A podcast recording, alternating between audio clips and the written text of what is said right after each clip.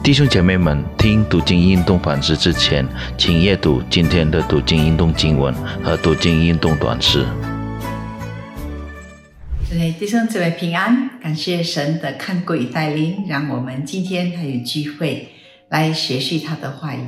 我们先低头祷告，来，我们这主，我们满心感谢你，每一天引导我们、带领我们、看顾我们、保守我们。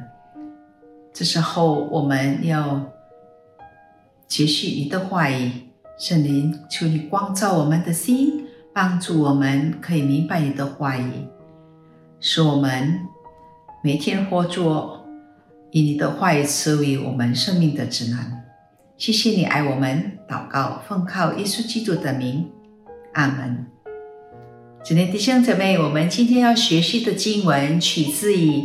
以赛亚书第六十三章第七到以赛亚书第六十四章第十二节，主题是知罪。一个未信主的人，怎么样才能相信上帝呢？首先，圣灵在那个人的心中动工，使那个人知罪，并。知道自己需要一位救主，然后甘心乐意的接受耶稣基督为其救主，一生跟从基督。这个过程显然是圣灵的作为。唯有上帝拣选和呼召的人，才能跟从基督。人因犯罪，使人灵里眼瞎。不想，也不能够有力量来寻求真神。圣灵使罪人心中感到不安，那人就会知罪而向上帝认罪。这时候，我们来读以赛亚书第六十三章第十和十一节：他们竟被你使主的圣灵担忧。他就转做他们的仇敌，亲自攻击他们。那时，他们想起古时的日子，摩西和他百姓说：“将百姓和牧养他全军的人从海里领上来的在哪里呢？将他的圣灵降在他们中间的在哪里呢？”哎，我们看六十四章第八到第九节。耶和华，现在你仍是我们的父，我们是你，你是窑匠，我们都是你手的工作。耶和华，求你不要大发震怒，也不要求永远纪念罪孽，求你垂顾我们，我们都是你的百姓。在被掳之地的以色列人终于知道他们犯了罪。背逆了上帝，他们察觉到，他们都像不洁净的人，所有的意都像污秽的衣服，他们都像叶子渐渐枯干，他们的罪孽好像风把他们吹去。这时候，他们才意识到，上帝那满有慈爱的上帝，上帝向以色列民所行的是有大能的。这恩是照着上帝的怜悯和丰盛的慈爱赐给以色列民的。当以色列民处在苦难中时，上帝。不是派使者，可是他亲自搭救。上帝以他怜悯的慈爱来救赎他们。在第六十三章第九节记载，是上帝在古时的日子常常怀抱以色列民，怀揣他们。当以色列人想起并意识到他们的罪孽。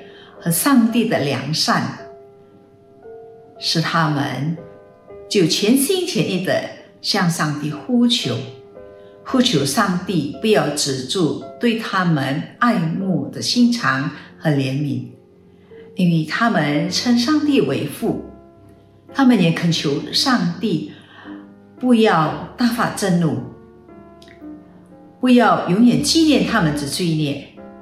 他们求上帝垂顾他们，因为他们是上帝的百姓。在被掳之地的时候，以上帝的百姓治罪了。这里弟兄姊妹们，我们的上帝是伟大、圣洁又是公义的神。当以色列人不顺服他的时候，而违背上帝的话语，上帝就惩罚他们，使他们被掳到巴比伦。然而，上帝也是充满慈爱与怜悯的神。当以色列人认罪的时候，上帝就赐下怜悯，呃，纪念以色列人，他就释放他们。这里弟兄姐妹们，信主之后，您对罪恶敏感吗？当你做出不讨上帝喜悦的事，得罪上帝的时候，你会心中感到不安吗？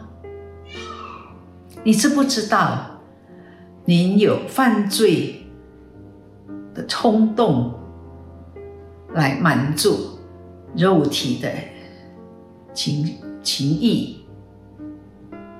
当您犯罪的时候，你有否请求圣灵来提醒你？您渴慕日日被更新吗？如果你所有的答案都是否，那很有可能你还没有经历重生，还没有经历生命的转变。因为圣灵还没有住在你的里面，让我们恳求上帝怜悯我们，而立即的接受基督耶稣成为我们个人救主。我们祷告，亲爱的天父，我们感谢你，我们学习你的话语。多少时候，我们也像以色列民，我们虽然得救了，可是我们常常会犯罪。得罪你，求你怜悯，施恩于我们。记住，我们每天读经祷告，圣灵提起我们，提醒我们，若我们犯罪的时候，我们要知罪。圣灵也使我们的心灵感到不安，让我们认罪。天父也请你教导我们，有渴慕的心，热热。愿意被你更新，活着讨你喜悦的生活。谢谢你听我们的祷告，我们祷告是奉靠耶稣基督的名，阿门。愿神赐福大家。